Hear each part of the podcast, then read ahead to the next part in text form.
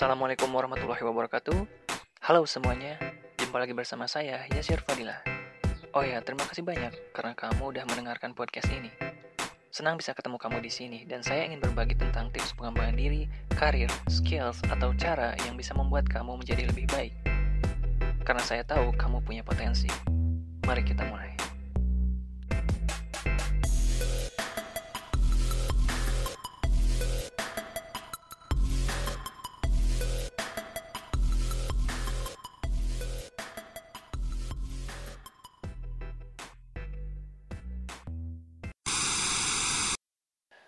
Gak kerasa ya, saat ini kita udah ada di tahun 2022.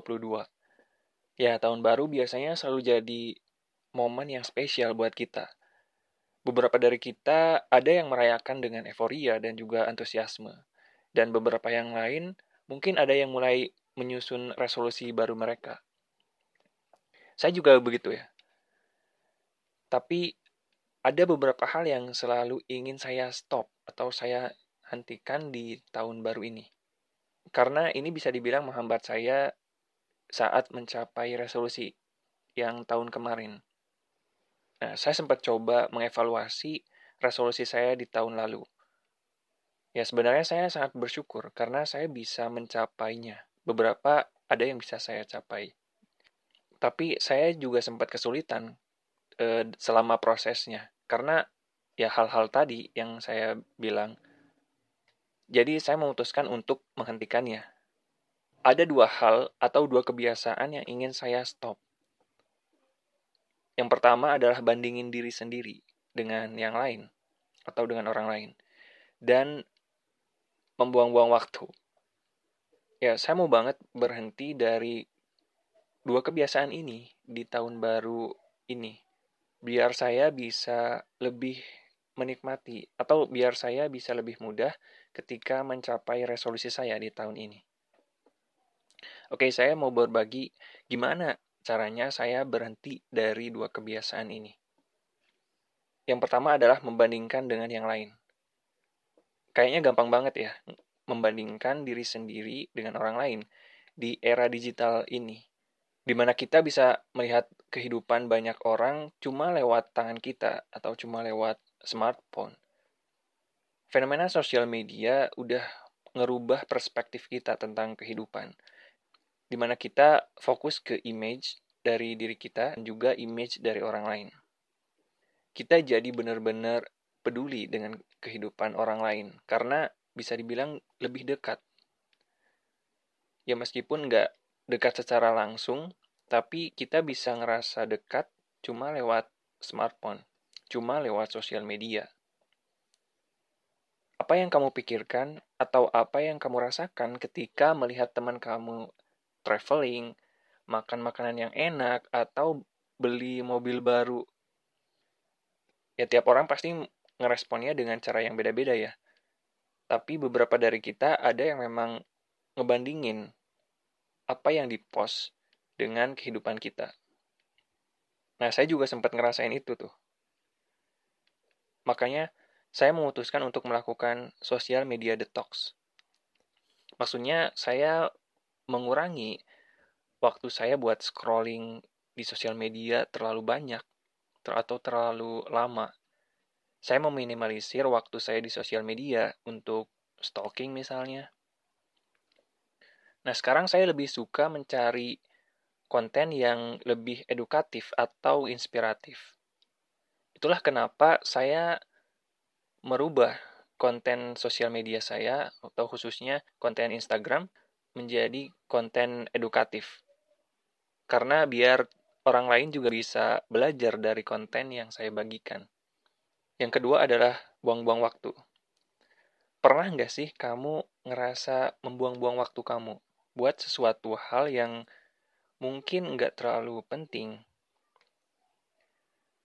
Ya, meskipun saya juga udah bikin waktu yang produktif selama sehari atau bahkan seminggu, tapi saya masih ngerasa membuang waktu karena misalnya eh, ketika saya merencanakan buat bikin konten jam 9 pagi, tapi ternyata saya eh, ngerasa kebingungan dengan ide yang mau saya tuangkan. Saya malah bingung mau bikin konten apa. Yang akhirnya itu kan jadi ngulur-ngulur waktu ya.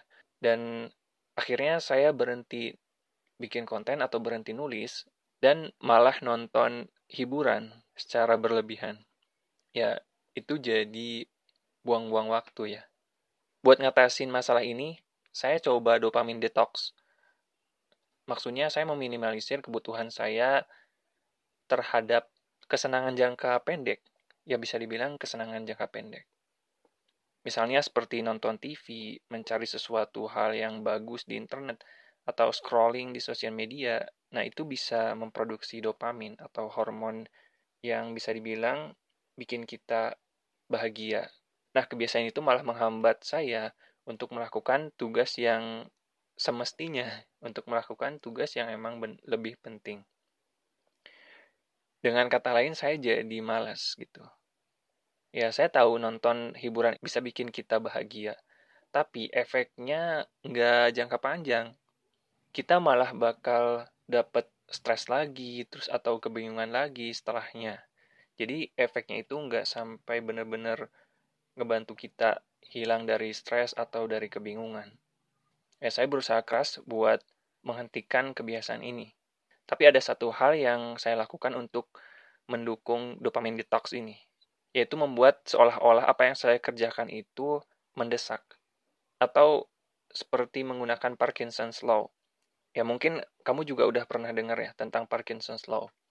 Nah, Parkinson's Law ini, jadi kita berusaha menyelesaikan tugas secepat mungkin. Daripada menunda-nunda, kita harus menyelesaikan tugasnya secepat mungkin. Lalu sebagai alternatif, kalau kita nggak bisa menghentikan kebiasaan, kita bisa menggantinya dengan kebiasaan lain yang lebih bagus. Misalnya, kita bisa mengganti dari nonton video hiburan menjadi nonton video edukasi dan sebagainya. Pokoknya, kita bisa merubahnya atau kita bisa menggantinya. Saya ngerasa lebih baik setelah saya menghentikan kebiasaan itu. Ini bantu banget saya ketika menghadapi tahun baru ini.